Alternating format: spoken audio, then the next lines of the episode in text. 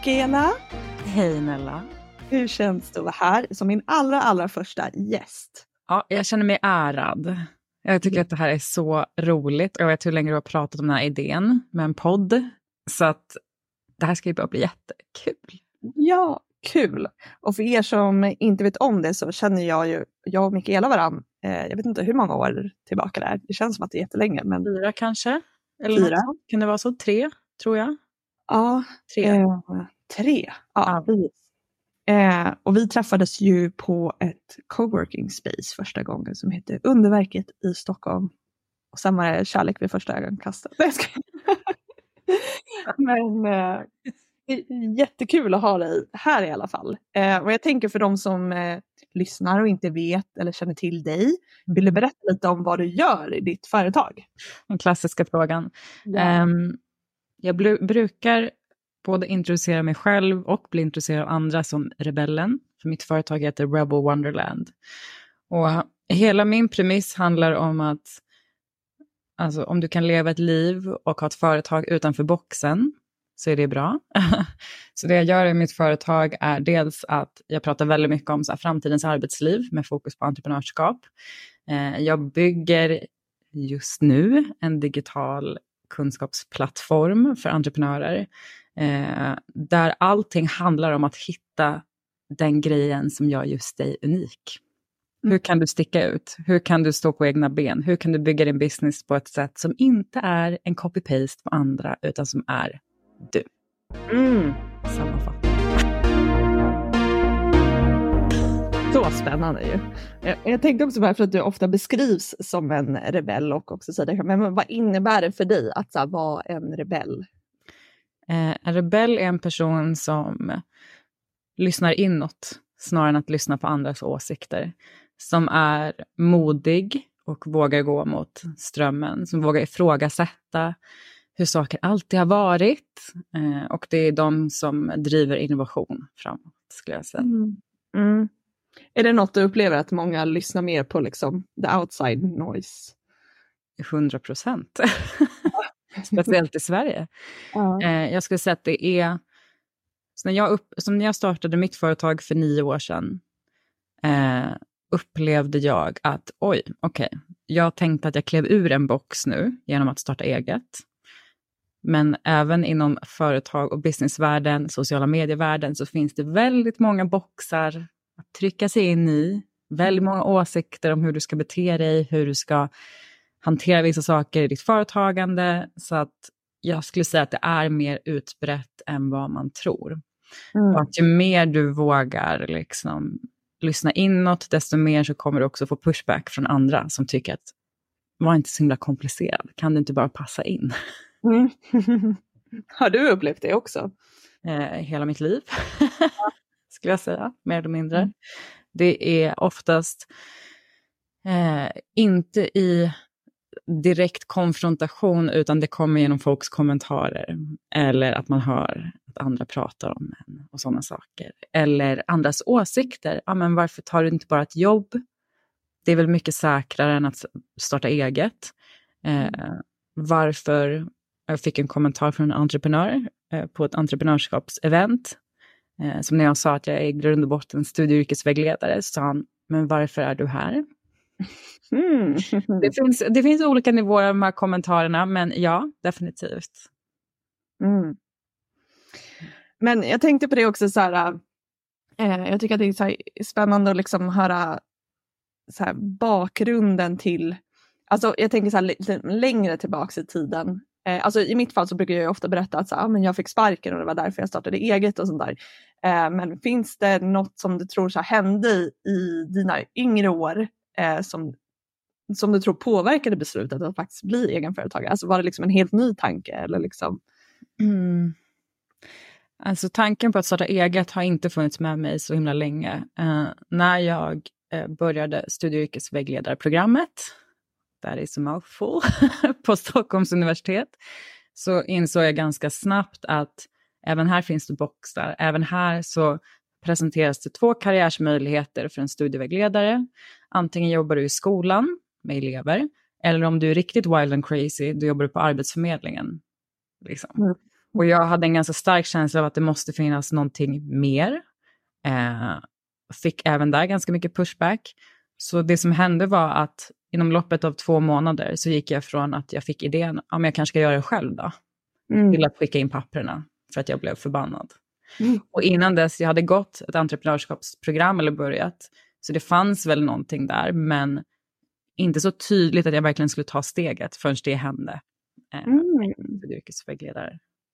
Alltså du hade gått ett entreprenörskapsprogram? Mm. Jag började ett som heter, heter typ entreprenörskap och marknad på Södertörn eh, några år tidigare.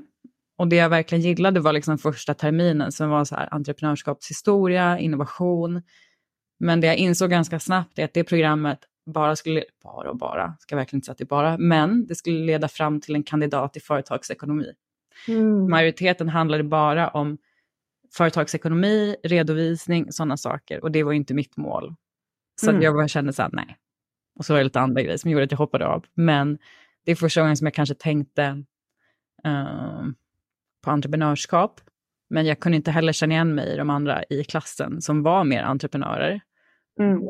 Hur de pratade om företagande. Så det var ändå inte något som jag själv kände att de skulle göra. Liksom. Mm. Det känns som att eh, rebellen föddes redan där. När du... Rebellen föddes när jag var fyra år och vägrade göra som man skulle på dagis. Kan jag säga. Ja, just det. Just det, det har jag också hört. Ja. Men eh, jag tänker så att du, jag upplever dig som en person som har så här, alltså en bred kunskap inom väldigt mycket olika saker. Alltså allt från så här, karriärvägledning, design är du också grym på, marknadsföring, Eh, och jag, jag har ju alltid sagt till dig att jag tycker att det är väldigt intressant att du har en, du har en sån förmåga att ta dig an teknik med ett så väldigt nyfiket I can do it-sätt. Men det är också så här, förutom det du har också varit så inne i så här, jag vet, vissa så här, krypto, NFT och sådana där saker, så att du har väldigt liksom, koll på en så här stor bredd. Vad, vad tror du att det här kommer ifrån? Jag skulle säga att eh, definitivt att jag har ett intresse för ny teknik. Och att jag tycker att sånt där är väldigt intressant med digitalisering och jag ser ju stora möjligheter med små medel egentligen, eh, med de digitala verktygen. Men det handlar, alltså egentligen om man ska verkligen gå på djupet så handlar det om att jag utvecklade tidigt en eh, förmåga att vara väldigt så här, observerande. Mm. Vilket gör att jag är bra på research, vilket gör att jag är bra på liksom se trender och hur saker hänger ihop. Eh, och det är liksom ett livslångt projekt skulle jag säga. Mm. Men jag tänker att det är många som kan tycka sånt där är alltså, jobbigt, alltså att det är en hög tröskel för folk och att det liksom är läskigt mm. att ta sig an nya saker, även på många egenföretagare som är så här hyfsat tekniska. Men det känns som att du alltid liksom är steget före på många sätt. Du har det oftast redan koll eh, mm. på de här sakerna. Alltså finns det något du tänker att så här, alltså, att entreprenörer går miste om som inte har den här nyfikenheten? Liksom? Eller vad har det gett dig att ha den nyfikenheten? Um, ja, alltså framför allt det man går miste om är att det är lätt att hamna i en folla av att lyssna på andra människor hur man ska driva sitt företag. Uh, jag är ganska försiktig med vem jag lyssnar på, vem jag tar råd av, vem jag pratar om mina idéer med. Uh, det hjälper mig liksom att skärma av. Sen så är det att självklart så kommer du inte ha samma förståelse för någonting om du till exempel inte har tassat ett verktyg själv. Och om det nu handlar om så digitala verktyg, så här, vad är det värsta som kan hända? Är det inte okej okay att vara lite nybörjare, tänker jag. Mm. Mm. Ja, verkligen. Eh, jag, jag, jag är väldigt fascinerad, för jag har alltid sett mig själv som ganska teknisk, men eh, Sen så tror jag att jag också har varit lite lat. eh, ibland att så, oh, jag kan väl sätta in mig in i det men jag orkar inte riktigt. Medan det känns som att du har en annan så här, yes, då, det är bara kör liksom. Jag tänker också att det är många människor som har en dialog med sig själva där de säger att jag är oteknisk, jag är okunnig, jag har inget eh, tålamod med sådana här saker. Och tyvärr, inom vissa bitar kommer det liksom bli en självuppfyllande profetia. Mm. Eh, man är rädd för att testa, kanske för att man är rädd för att göra fel, vad vet jag. Men det är ju, alltså så här, just det här att komma ihåg, så här, alla har varit nybörjare någon gång. Och att om man vill göra på ett sätt som sticker ut, om man vill göra på ett sätt som är annorlunda från de andra i ens bransch, då krävs det liksom att man har, eller övar snarare, jag har ju övat länge på, på det här, att ta action, att testa nya saker, att våga bara köra utan att få tillåtelse från någon annan. Det är mm. liksom den biten. Och det kan spegla sig i teknik, det kan spegla sig i man utvecklar ett nytt program, eh, det kan spegla sig i att man skriver en bok. Alltså det finns så mycket som vi faktiskt kan göra. Mm. Verkligen, och det är det jag tycker är så unikt med dig, att du, du har verkligen den approachen till saker. Att så här, men det här kan jag väl göra, eller det här kan jag väl göra. Medan många andra sitter och velar och väntar. Så här, ska jag verkligen göra så här? Är det här det bästa beslutet? Men jag upplever att du alltid har haft lite så här, ja men det här kan jag göra. uh, och hur, den här i can do it. Va, vad tror du att det kommer ifrån? Liksom, det är också någon slags självförtroende eller liksom tillit till sig själv. Mm. Eller vad tror du? Um, det, oftast så finns det någon trigger som händer innan. Precis som när jag startar eget så blir jag ju väldigt, väldigt arg. Så då får jag ju energi från det. Eller att jag är extremt inspirerad så får jag energi från det. Mm. Det är svårt om man är i någon slags neutral läge att ta tag i saker eller kanske man känner sig lite bekväm. Um, jag försöker att tänka på typ det långa perspektivet. Självklart så fastnar jag i massa konstiga tankeloopar och uh, saker som håller mig tillbaka i perioder. Men i grund och botten så handlar det om att bara okej, okay, om jag inte känner till alla de andra företagarna, vad skulle jag göra?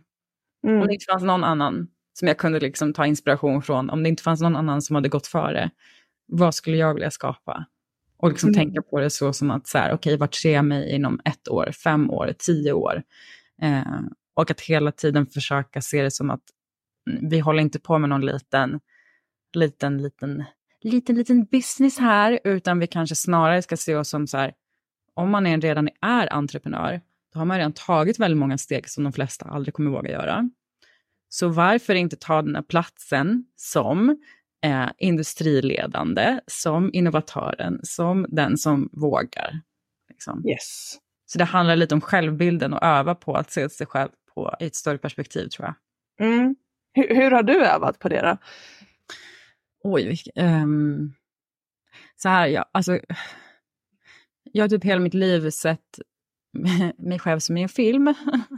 typ att jag kan nästan ibland höra typ berättarrösten så här, och nu gick Mikaela till skolan och nu händer det där. där, där, där. Att jag har varit väldigt mycket i min så här, dagdrömmarfantasi.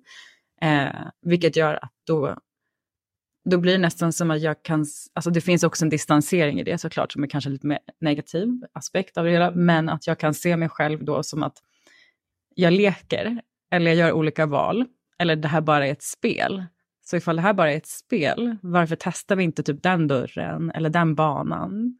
Så jag tror att det bara handlar om att liksom eh, våga vara mer i sin, sin egen bubbla och inte försöka liksom ta råd från alla eller lyssna på andra eller bli för distraherad. För jag märker i, tid, i perioder när jag har mått lite sämre och kanske lyssnat mer utåt, mm. det leder aldrig till de resultaten jag egentligen vill ha. Mm. Just. Aldrig. ja. Det är min erfarenhet. ja. ja, men eh, nu när du säger det också så, här, så tänkte jag fråga dig, så här, vill du berätta om någon tid som kanske har varit eh, extra utmanande för mm. dig och varför? Jag skulle att det finns, um, alltså inom mitt företagande, tänker du? Mm. Um, jag skulle att det finns två år som sticker ut. Mm. Den första är 2018. Eh, det som händer då är att då har jag drivit företag i två år. Jag har parallellt liksom tagit min examen och sånt där. Jag har jobbat hårt och kanske varit lite snäll med att ta lite för lite betalt, du vet. Klassiska mm. grejen. Uh, sprungit på alla bollar, sagt ja till allt, så jag var väldigt trött. Eh, det som händer i våren 2018 så får jag typ så här världens skattesmäll och jag bara nej, jag orkar inte med det här, nu skiter jag i det här. Eh, som löste sig såklart, men det var första gången som jag bara shit, det här är typ på riktigt. Mm. Så jag, måste, jag måste förlita mig på mig själv att dra in intäkter eh, och jag bara känner så här, kan jag inte bara få lite typ trygghet i några månader? Det som händer är att jag söker en projektanställning i Solna stad, jag får den och jag kände liksom all press bara typ rann av mig. Så det var liksom en ekonomisk stress. Mm. Mm. Um, det var den första. Den andra är en kombination av, uh, eller jag skulle nej, det är, ja precis, hösten 2022 och hela 2023. Mm. skulle jag säga. Mm. Och då var det dels, vad var det som hände då?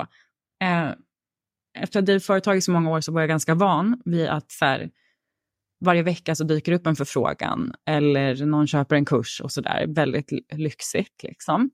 Det som händer hösten 2022 är att det blir tyst. Mm. Och jag bara, oh shit, vad är det som har hänt nu? Vilket gör att det blir som en hel identitetskris kring och massa idéer om så här, jag borde ha kommit längre, jag borde ha tänkt mer på mitt sparande, ja, massa, massa grejer som man, igen, den här finansiella krisen också.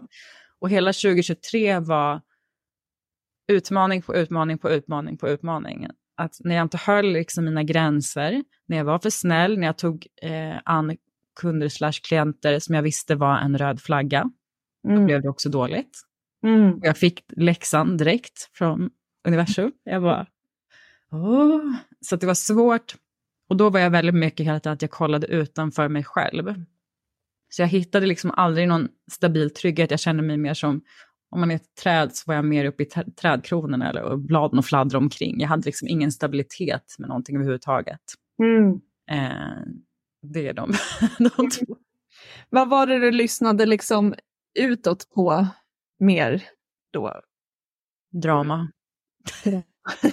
Drama. Det var väldigt, jag upplever att det var en del personer runt omkring oss som eh, var stressade och sådär. Och antingen var de stressade, sen hade man också personer runt omkring sig som hade negativ effekt på ens mående.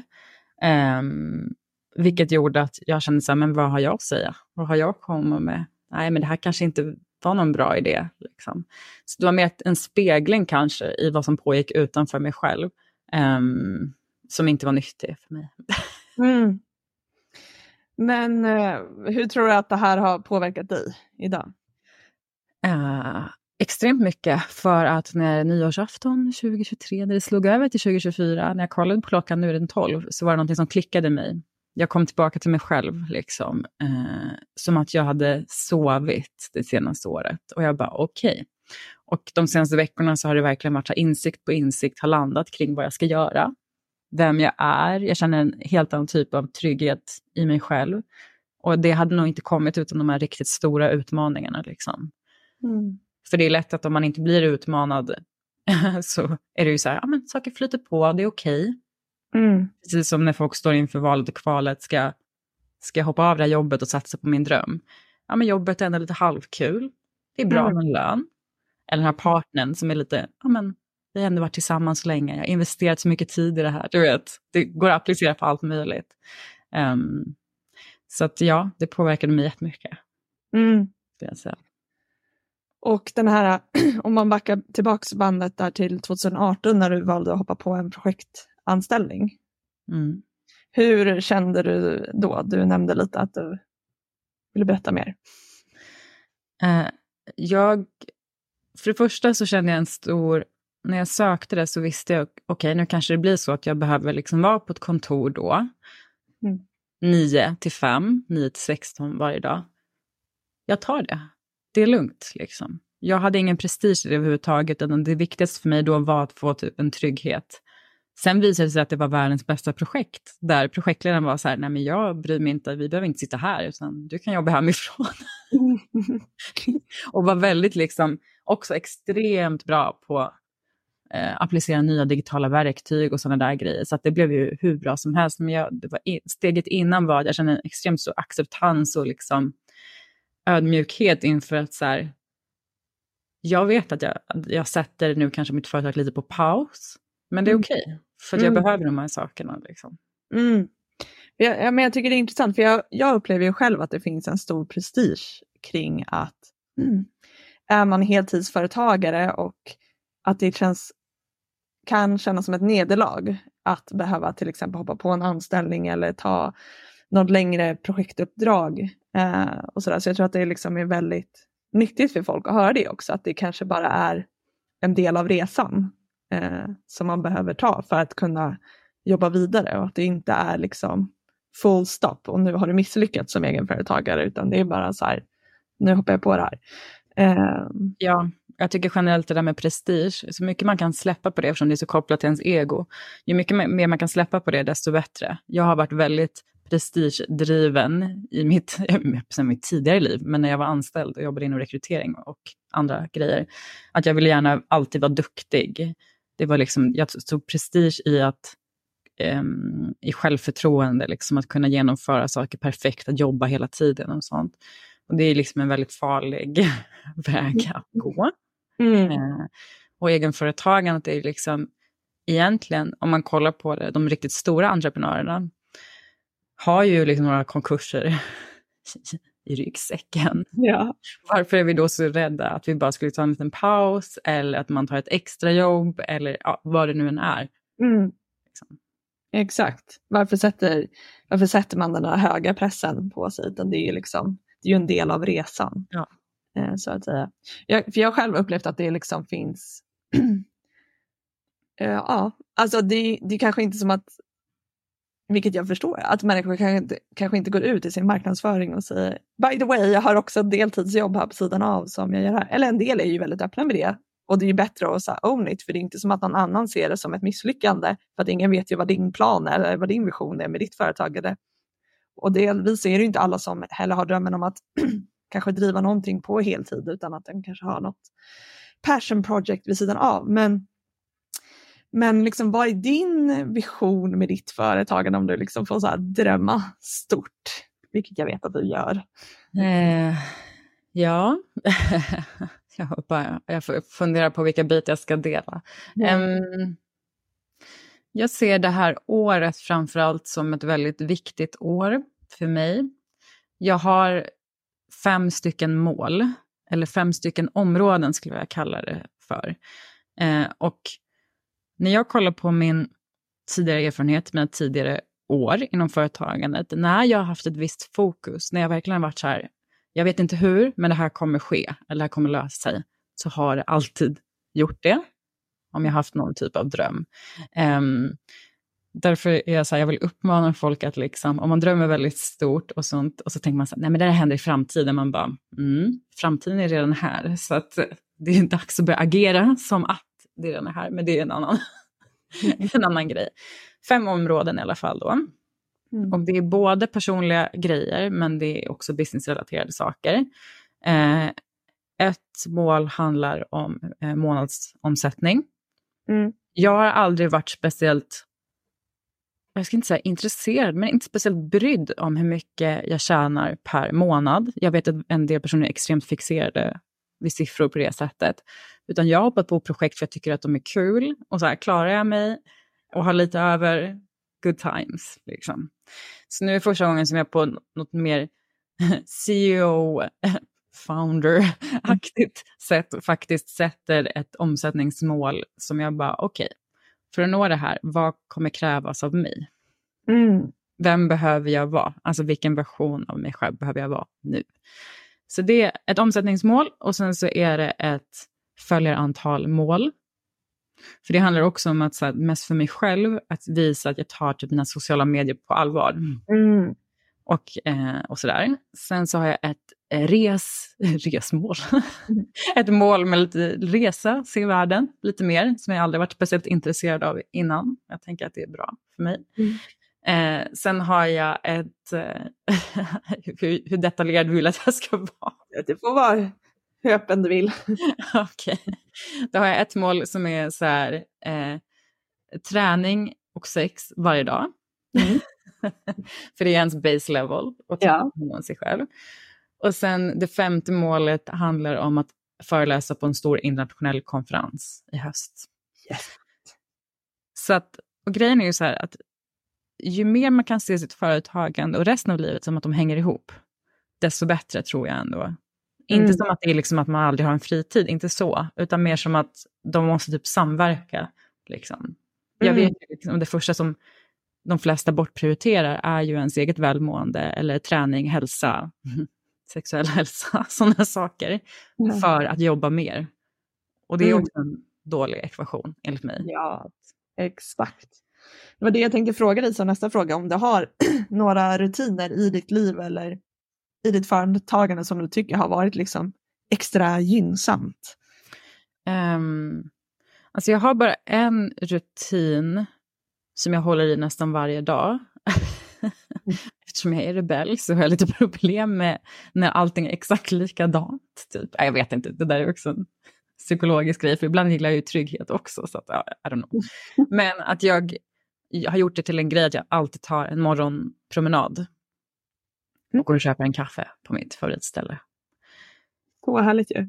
Ja, och det är inte så mycket kaffen i sig, eller okej, lite självklart. Men det är också så här, jag är ju typ stammis där, så då träffar jag de som jobbar där, så pratar vi lite och så får jag typ en promenad till att börja dagen med, vilket jag tycker ja. känns nice. Eh, det är den enda rutinen jag skulle säga. Sen är det ju så här, nu är det ju träning har ju blivit en stor grej liksom. Mm. När jag säger så här, för jag berättade för någon annan liksom att jag vill ha träning och så vill jag ha sex varje dag. De bara, men gud, varje dag? Att det låter som hysteriskt. Låt säga, för mig så ser det snarare som att så här, det är min ambition. Om mm. det är då tre dagar eh, som jag inte tränar, nej men då kan man komma tillbaka till det efter tre dagar igen. Mm. Man behöver inte vara så hård mot sig själv med sådana rutiner och sånt där. Bara att man har en baseline. Det här mm. är det jag vill göra, liksom. det är viktigt för mig. För jag känner att jag blir mycket mer grundad av det. Ja, jag tror det där är så viktigt som du säger. Alltså, det är ju väldigt lätt att man börjar skala bort andra saker för att man tänker ja. att nej men jag, jag vill jobba eller jag borde fokusera på det här nu och få det här gjort. Eh, och så jobbar man liksom emot sig själv istället, istället för att man har ingen energi och lusten försvinner eh, för att man inte tar hand om de där eh, mm. basbehoven. Jag tror att det är så lätt att glömma bort. Jag tror att det är så här, det här är ingenting nytt för folk att höra, men det är också väldigt viktigt att bli påmind om det. Eh, för att annars blir det ju liksom den här bilden av att man ska jobba hela tiden och det kan man göra om man har flow och tar hand om sig själv på alla andra sätt också, men inte på bekostnad av att ta bort alla de där basbehoven ändå. Exakt.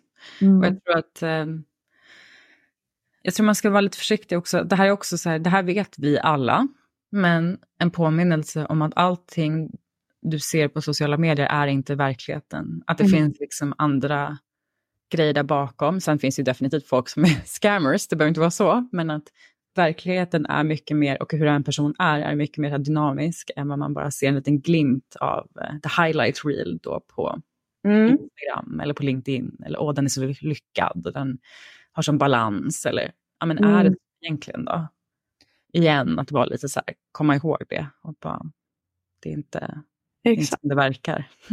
Eh, ja, och det där är ju så viktigt att komma ihåg. Men jag tänker så här, vad är din syn på det? Vad tycker du liksom? Eller vad ser du som att det här är sånt jag vill dela med mig av eller jag tänker mer strategiskt typ kring mitt brand och varumärke eller hur jag vill upplevas. Liksom, vad är dina tankar kring? Mm. Det här var väldigt intressant för jag började nu när jag gjorde en rebranding och gjorde om mitt varumärke så började jag arkivera väldigt många gamla inlägg. Och när jag läste dem så var jag så här, okej, okay, det handlar inte om att jag vill liksom eh, dölja tidigare år eller någonting sånt där, utan det handlade bara om att så här, det här är inte jag längre, alltså på ett sätt. Mm. Så, och det var väldigt skönt, det kan jag verkligen rekommendera. Om man känner att man vill ha en nystart, det är dina konton, du kan arkivera saker. liksom. Om du känner att ah, men det här lirar inte med den jag är idag, eller det jag erbjuder. Sådär. Mm. Sen så generellt så, mm, jag har olika olika delar för olika kanaler. Jag ser det lite som att så här, vi alla är extremt så här, mångfacetterade. Vi har jättemånga sidor. Till mm. Vi är komplexa varelser. Men jag känner mig ju inte direkt bekväm att dela allt på LinkedIn till exempel. Utan där kanske det finns ett syfte. Okej, okay, men vad är, vad är syftet för mig att vara på LinkedIn? För innan jag hittade mitt syfte så blev jag mest förbannad att vara där inne, to be honest. Vad blev du förbannad på? Ja, men för att jag ser dissonans. Att jag, ser, eh, jag ser lite av det här om någon skriver ett inlägg kring ah, jag, är så lyck jag är så lyckad, eller det här är eh, liksom dåligt dold kritik mot någon annan. Eller, alltså, man ser att det här finns en... Eh, det här är också en uppmaning till de som lyssnar. Kolla på dem du följer. Kan du se dis dissonans, vilket egentligen betyder att någon eh, berättar någonting för dig eller någon skriver text, så här är det, jag är så lyckad, allt är 100% bra. Det är nästan som att man ser bakom masken. Mm. Och jag tycker att det mest är så på LinkedIn. Att jag ser liksom, okej okay, det här är en mask du försöker hålla uppe nu, vem är du egentligen? Typ. Eh, mm. Så jag blir galen på det på LinkedIn. För där ska man vara professionell och det är lite den här ja, typiska synen på det. Eh, mm. och så, ja. Men hur skulle du säga till någon som kanske tycker att det är svårt att hålla den balansen i så fall? Från att eh, just att så här, kombinera den här professionella sidan med den mer personliga, om man ska kalla det mm. så. Alltså, mm, inom karriärvägledning så pratar man alltid om att så här, du kan absolut vara personlig men du ska inte vara privat. Och det gillar jag. För att typ, jag är en person som har väldigt så här, hög integritet, som att så här, de som är nära mig eh, känner ju mig obviously, men det behöver inte betyda att jag måste dela allt på sociala medier.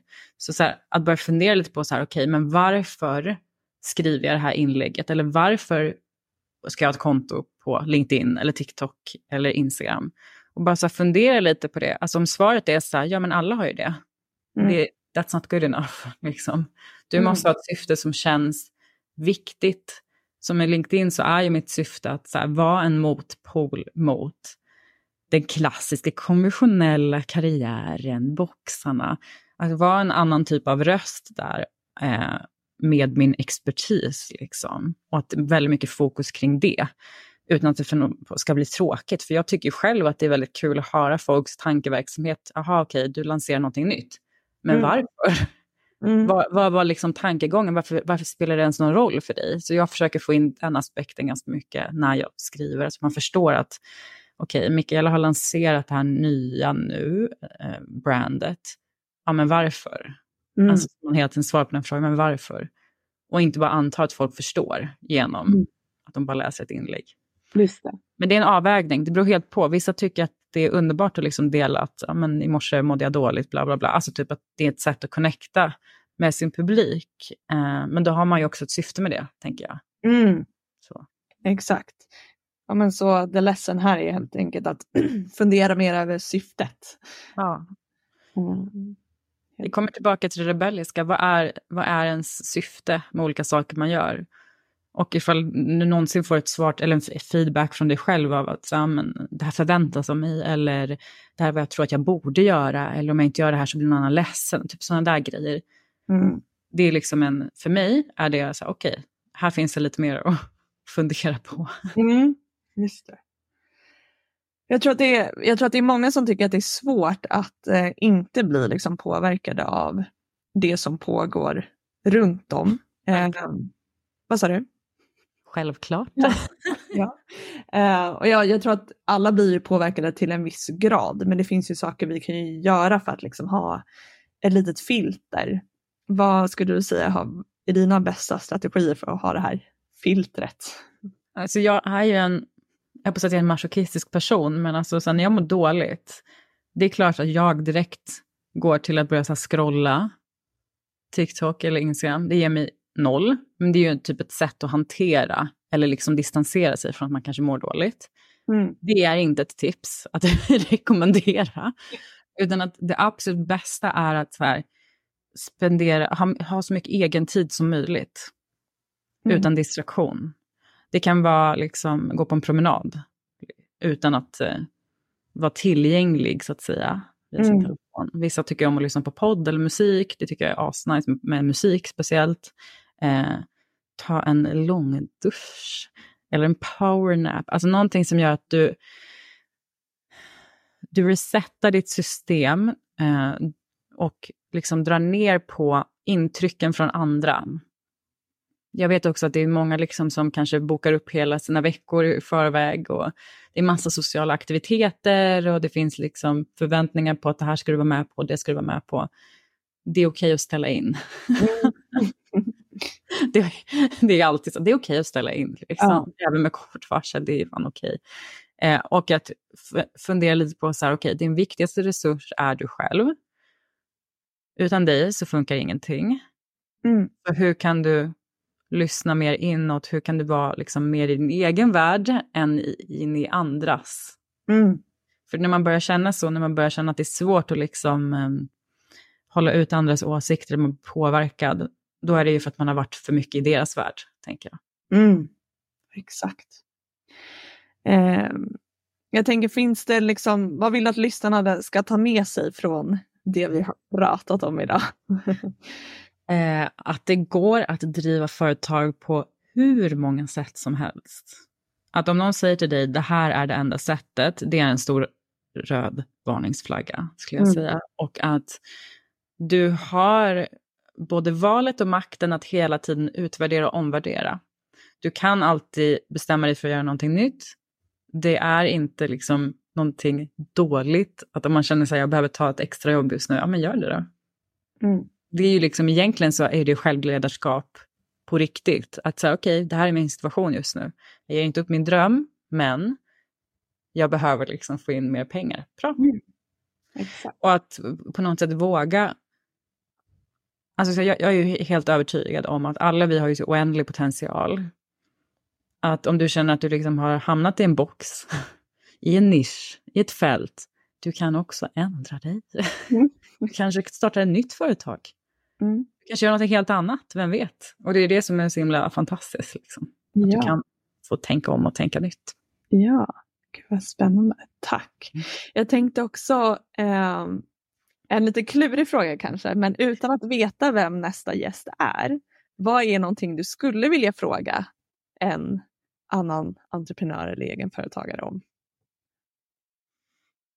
Mm. Eh, när, du, när du ligger vaken på natten och inte kan sova, vad är det du funderar på? Mm. Bra fråga, den ska jag ta med mig. Yes. uh, jag tänker att vi ska runda av nu. Um, och uh, för de som vill få mer av dig, Mikaela, vart hittar du då? jag skulle väl ändå säga att Instagram för mig är som mitt hem. Och där heter jag Mikaela med A-A-R-E. Are.